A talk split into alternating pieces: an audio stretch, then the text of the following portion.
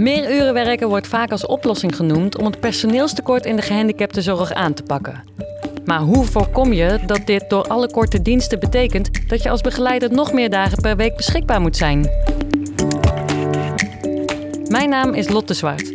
Ik ben orthopedagoog bij zorgorganisatie Estinea en redactielid bij kenniscentrum Klik. En dit is de Klik Podcast. Deze aflevering gaan we het hebben over de omslag naar langere diensten in de gehandicaptenzorg. We zijn hiervoor op locatie bij zorgorganisatie Frion, waar ze sinds de zomer van 2022 begonnen zijn met de omslag naar 8 uursdiensten en een vast jaarrooster. Bij mij aan tafel zit begeleider Helma Adams. Hoi Helma. Hallo. Hoi, jij werkt als persoonlijk ondersteuner bij Frion. Klopt. En naast jou zit Martin Dollekamp. Martin, hoi. Hoi Lot. Hoi, jij bent uh, roosteradviseur. Ja, klopt. Voorheen was je ook uh, begeleider. Ja, begeleider en persoonlijk ondersteuner. En tenslotte Gerdianne Leestemaker, verantwoordelijk voor de bedrijfsvoering. Goedemorgen. Goedemorgen, welkom allemaal. Vanaf begin dit jaar is het grootste gedeelte van de locaties van Frion inmiddels overgegaan op acht uursdiensten. In plaats van korte diensten waarbij begeleiders in de ochtend of avond in de woning ondersteunen of overdag op dagbesteding, kunnen begeleiders nu ook langere aaneengesloten acht uursdiensten werken op zowel wonen als dagbesteding. Daarnaast krijgen begeleiders ook een jaarrooster, zodat ze ruim van tevoren weten wanneer je werkt. Gerjanne, mag ik bij jou beginnen? Jazeker. Waarom was volgens jullie die omslag naar acht uursdiensten nodig? Ja, dat had eigenlijk verschillende redenen. Dat wij uh, in de zomerperiode merkten dat uh, mensen die bij Frion wilden komen werken graag grote contracten wilden. En dat konden we niet altijd bieden, omdat we ook uh, met korte diensten werkten. En daarnaast merkten we ook dat intern mensen die bij ons werkten wel meer wilden werken, maar we kregen dat ook niet altijd weggezet. En de privé-werkbalans was ook soms op sommige plekken voor medewerkers echt wel uit disbalans. Dus vaak terugkomen in verband met die korte diensten. En daar wilden we ook wel wat aan doen. Um, tegelijkertijd uh, hebben we ook veel ZZP'ers rondlopen. Die hebben we ook nodig. Maar het werd zoveel en zoveel verschillende gezichten dat we zeiden: we willen gewoon mensen in dienst bij Frion, zoveel mogelijk. En met de mensen die we nog nodig hebben voor de aanvulling, dus vanuit de ZZP-constructies, daar maken we vaste afspraken mee, zodat we zoveel mogelijk vaste gezichten hebben. Voor de cliënten? Voor de cliënten en voor de uh, collega's net zo goed. Omdat uh, voor de collega's het ook heel fijn is dat je de teamtaken kunt verdelen en dat die niet alleen op de schouders rusten van de vaste Frion-medewerker, uh, maar ook van uitzendkrachten die op die manier langer verbonden zijn door middel van een periodeopdracht, zo noemen we dat. Ah, dus ZZP'ers zijn niet zomaar hapsnap aanwezig, maar die krijgen ook een woning toegewezen, zeg maar. Nu wel. Dat was eerder veel meer hapsnap, zeg maar, uh, her en der losse diensten. En wat we merkten is dat de ZZP'ers dan ook wel graag kwamen bij Frion, want onze vaste medewerkers zorgen dan ook dat de weg gebaand is en dat het allemaal loopt met de cliënten. Maar we merkten juist dat we onze eigen medewerkers daar ook mee uithollen. Dus ook voor die balans zeggen we, prima. We hebben ZZP'ers ook nodig op dit moment. We hebben helaas onvoldoende. Uh, kunnen we zeggen dat we alle plekken zelf gevuld hebben met eigen personeel. Maar dan willen we wel graag vaste afspraken maken. Ja, goed voor te stellen, ja. Ja, Helma, jij bent begeleider en jij, jij kwam ook deze disbalans tegen, die korte dienstjes. Kun je daar eens iets over vertellen? Ja, het was zo dat je uh, een vroege dienst had. Hè, begin je om 7 uur en dan ja, was je tussen tien en half elf klaar. Um, ja, met een 33-urig contract. Um, wat ik dan heb, ja, dan moet je dus veel vaker er terugkomen. En uh, ook de avonddiensten zijn bij ons geen achturige diensten. Dat waren uh, zesurige diensten en zevenurige diensten. En soms nog korter. We hadden ook nog een vijfurige tussendienst. Ja, als je dat allemaal bij elkaar optelt, dan kun je eigenlijk wel nagaan dat je dus vaker terug moet komen voor het aantal uren wat je moet werken. Ja, en wat betekent dat voor jouw persoonlijke leven? Nou ja, um, meer op het werk zijn en minder uh, thuis. Nou ja, nou heb ik gelukkig geen kinderen meer thuis. Maar als je kinderen thuis hebt, uh, ik heb collega's, jonge collega's die een jong gezin hebben. Ja, die, die zijn veel minder thuis. Dus moeten veel meer dingen regelen. Ik ik ben daar wat flexibeler in, omdat ik wat ouder ben. Maar ja, ook ik heb daar last van, hè, met je hobby's, et cetera. Ja, het, het ziet er allemaal anders uit, doordat je gewoon vaker terug moet komen. Ja, en dan snap ik ook inderdaad dat je geen grote contracten meer kan aanbieden. Want mensen die, eh, die kunnen niet zes dagen in de week gaan werken met een jong gezin, Gerianne. Klopt, dat speelde op verschillende plekken. Dat mensen ook zeiden van ja, we willen graag meer werken. Dan zochten we wel ook op andere groepen. Eh, maar ja, de balans van bijvoorbeeld eh, cliënten uit bed halen ligt vaak rond dezelfde tijdstippen. Dus daar kwam je ook niet altijd uit. Eh, dus zodoende zijn we tot deze oplossing gekomen voor nu. Ja, ja, hartstikke mooi. Ja, dat, je kan daardoor ook wel grote contracten aanbieden natuurlijk. Ja. Hey, en jullie werken ook met een jaarrooster. Martin, eh, jij bent roosteradviseur. Kun je klopt. daar eens iets over vertellen? Waar we in het begin ook heel erg eh, mee kwamen, is dat heel veel hapsnap zeg maar, terugkwamen in de roosters. Dus wat we eh, eh, probeerden, zeg maar, is om alles veel eerder duidelijk te krijgen. Weten wanneer de scholing is, weten wanneer je teamdagen hebt. Vakanties eerder inplannen. Ehm, ja, zodat als het nieuwe jaar begint, zeg maar, dat het rooster eigenlijk al zo goed als klaar staat.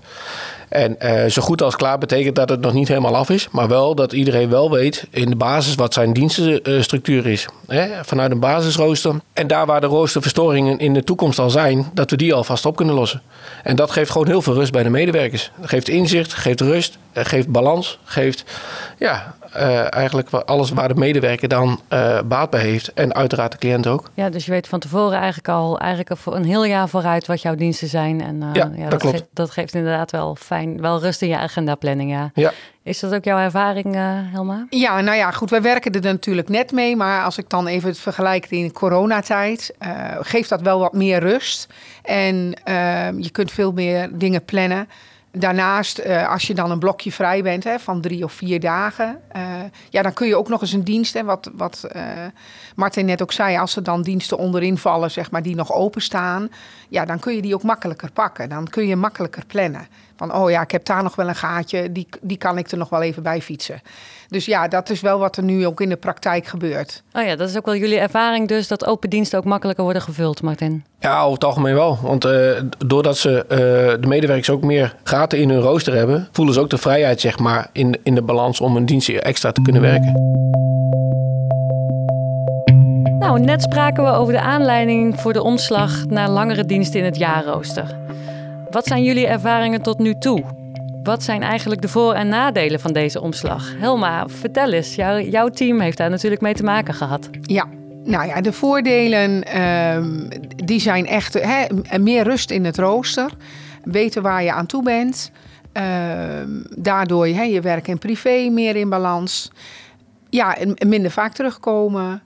Wat wel zo is, is dat we ook met een kernteam eh, zijn gaan werken. We hebben bij mij in het team zijn collega's die ehm, ook nachtdienst draaien, die ook me- meerdere taken hebben eh, binnen de organisatie. En dan ga je wel kijken van en welk team eh, ben je het meeste aan het werk, zodat je ook voor de vergaderstructuur dat je heel duidelijk hebt van, van nou ja, bij die vergadering daar moet ik bij aansluiten. Dit is mijn basisteam. Ja, dat zijn wel ontwikkelingen waar we, waar we nu in zitten.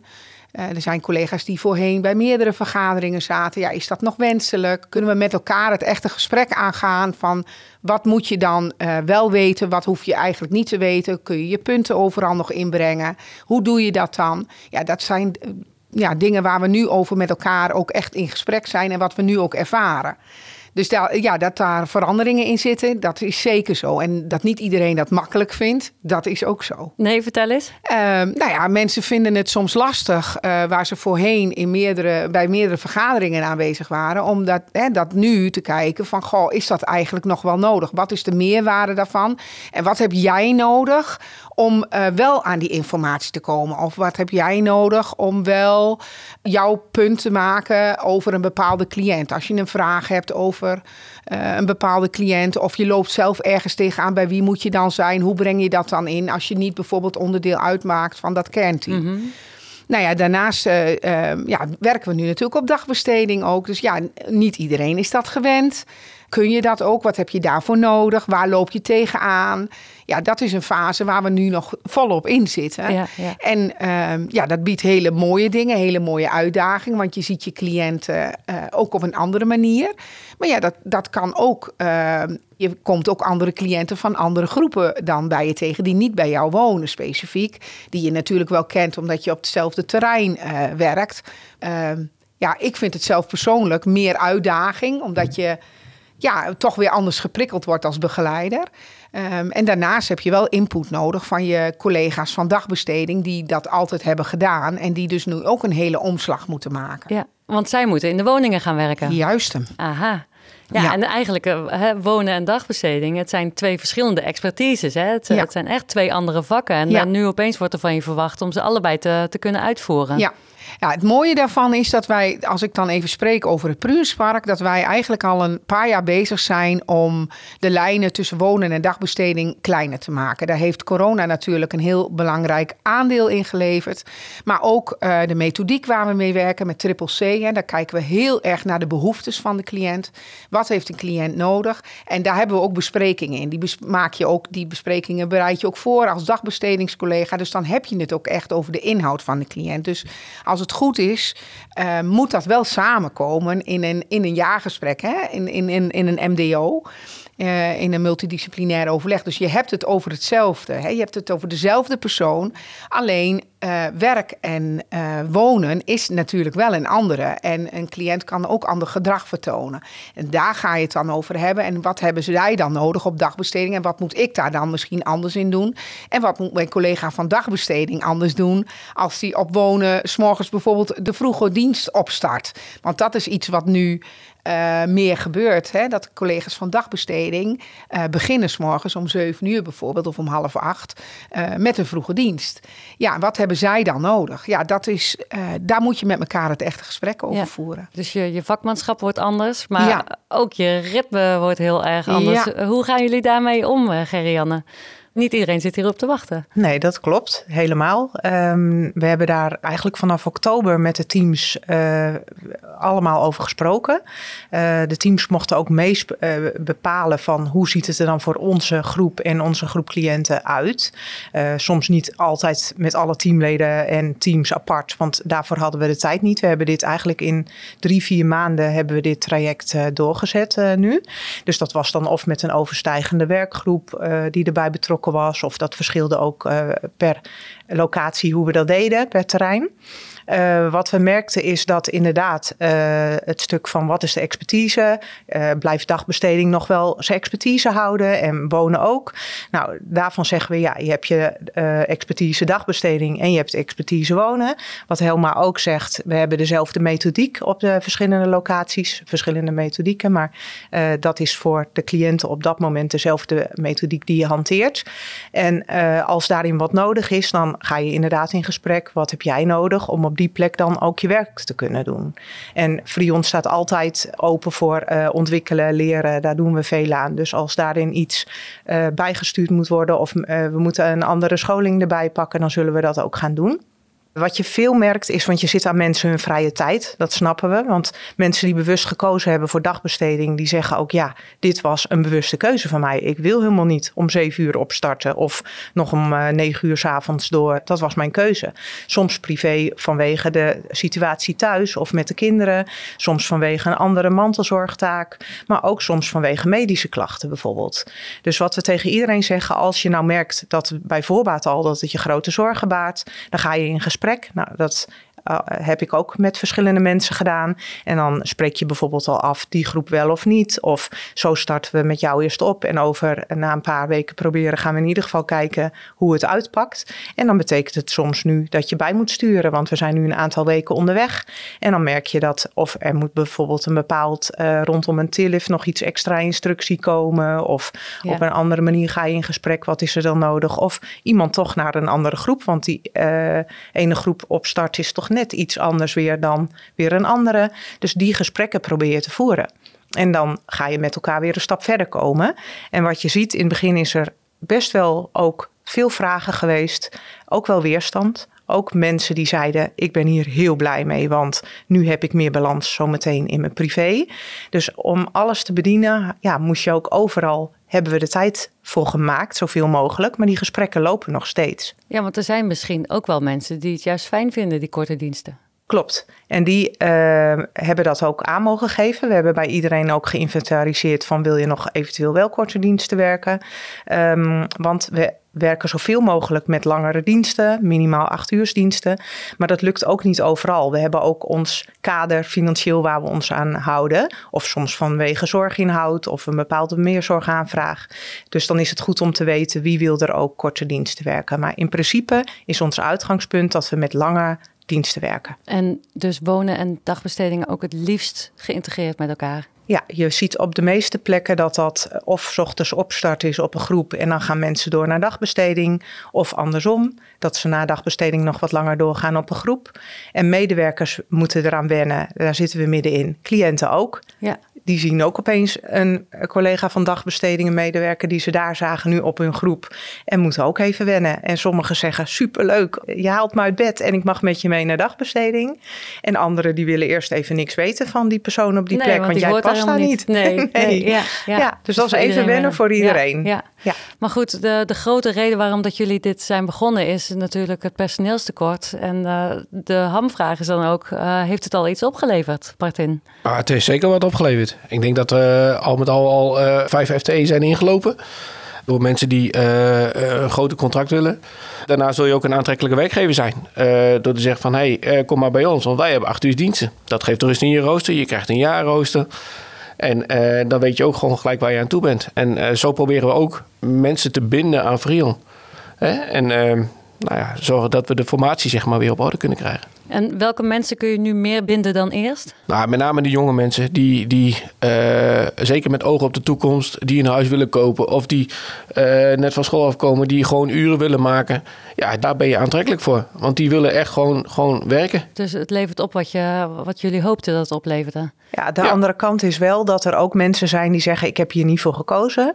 Uh, dus ik, ik, kijk het aan en of ik ga verder kijken. Uh, die situaties doen zich nu ook voor. Dus het is niet alleen maar dat we uh, gelukkig merendeel mensen die willen komen werken of die hun contract uitbreiden. Maar de andere kant is er ook. Daar moeten we realistisch en, in zijn. En wat doen jullie om die mensen juist binnen te houden?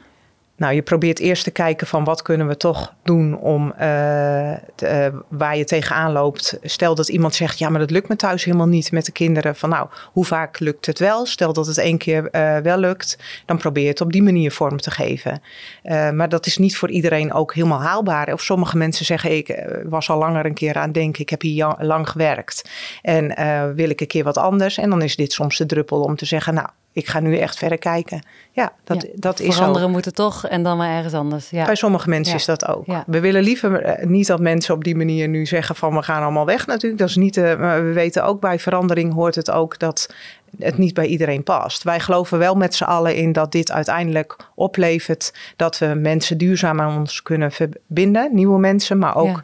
de mensen die we al bij ons hebben werken, dat we die een betere balans kunnen bieden en een fijnere werkplek. En dat is waar we voor gaan. Ja, en dus het stukje personeelstekort uh, toch een beetje opheffen. Ja. Ik wil eigenlijk ook nog heel graag even naar de cliënten. Want uh, jullie geven aan van de cliënten die zien minder gezichten. Hè? De wonen- en dagbesteding is geïntegreerd. Ja, een nadeel voor cliënten zou mogelijk kunnen zijn, hè, met het zien van minder gezichten, integratie van dagbesteding en wonen.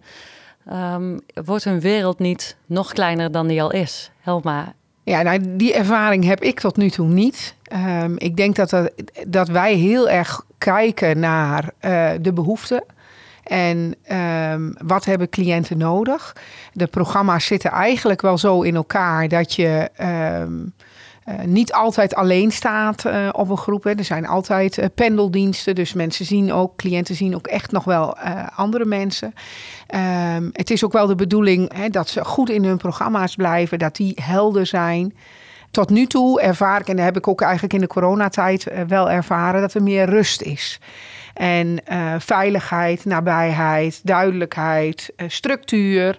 Nou ja, daar valt mijn groep uh, natuurlijk met het moeilijk verstaanbaar gedrag. Die gedijt bij structuur, meer structuur ja. en meer veiligheid en meer nabijheid. Ja, waarvanuit je dus ook kunt ontwikkelen. Ja, ja dus er zijn veel meer mogelijkheden. En um, nou ja, ik merk gewoon veel minder escalaties. Uh, ja, meer vertrouwen. Dus ja, tot nu toe pakt het voor mijn groepen goed uit.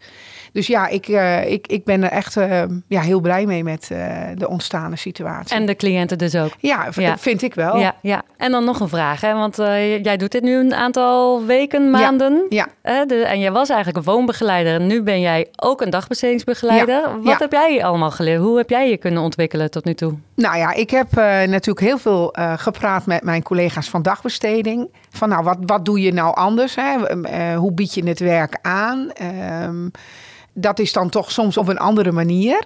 Um, en het is niet dat ik het kunstje van hun wilde leren, maar meer uh, van nou, hoe doe je dat nou? En ook met cliënten die je eigenlijk nog niet goed kent.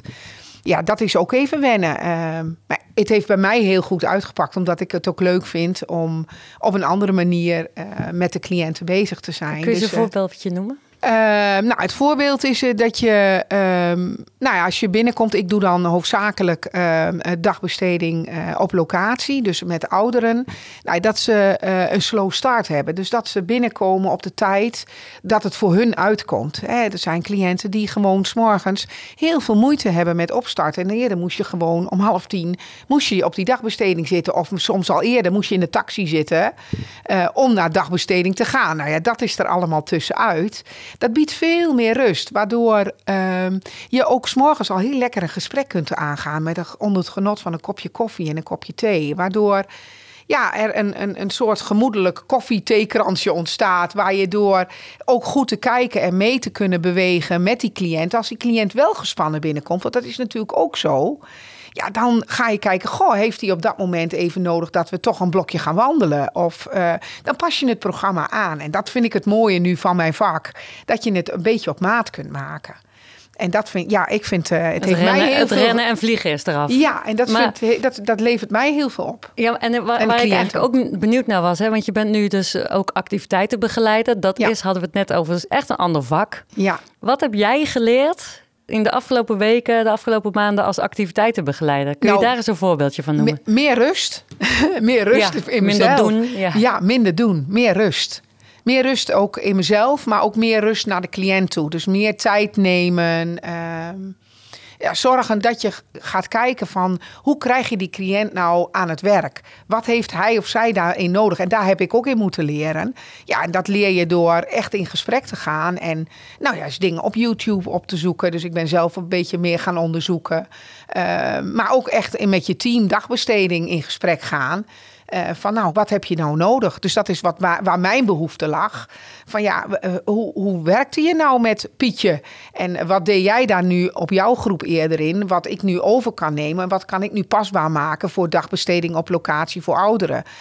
Dus echt het op maat maken. Ja, Ja. daar hebben we elkaar in nodig. Ja. En daar heb ik heel veel gesprekken voor gevoerd. Maar het, dat jij aangeeft meer rust, hè? want Ja. eh, die herken ik wel. Hè? Woonbegeleiders zijn meer de doeners. Je, moet- je moet natuurlijk heel veel in de verzorging. Activiteitenbegeleiders, die moeten juist. Hè? Dat is de kunst van het eh, inschakelen van bewoners, van deelnemers. Ja, ja. En dan ja, vraagt het van jou juist om misschien juist niet iets te doen. Nee, stap naar achteren zetten. Ja. Ja. En wat levert dat op voor jou en, eh, en de relatie en je eigen vakmanschap? Nou ja, dat ik dat meeneem eigenlijk ook weer naar de woonvorm. Dat is het mooie ervan. dus eigenlijk is het voor mij een win-win situatie. Ja. Waarin ik eerder veel meer aan het soort van rennen was.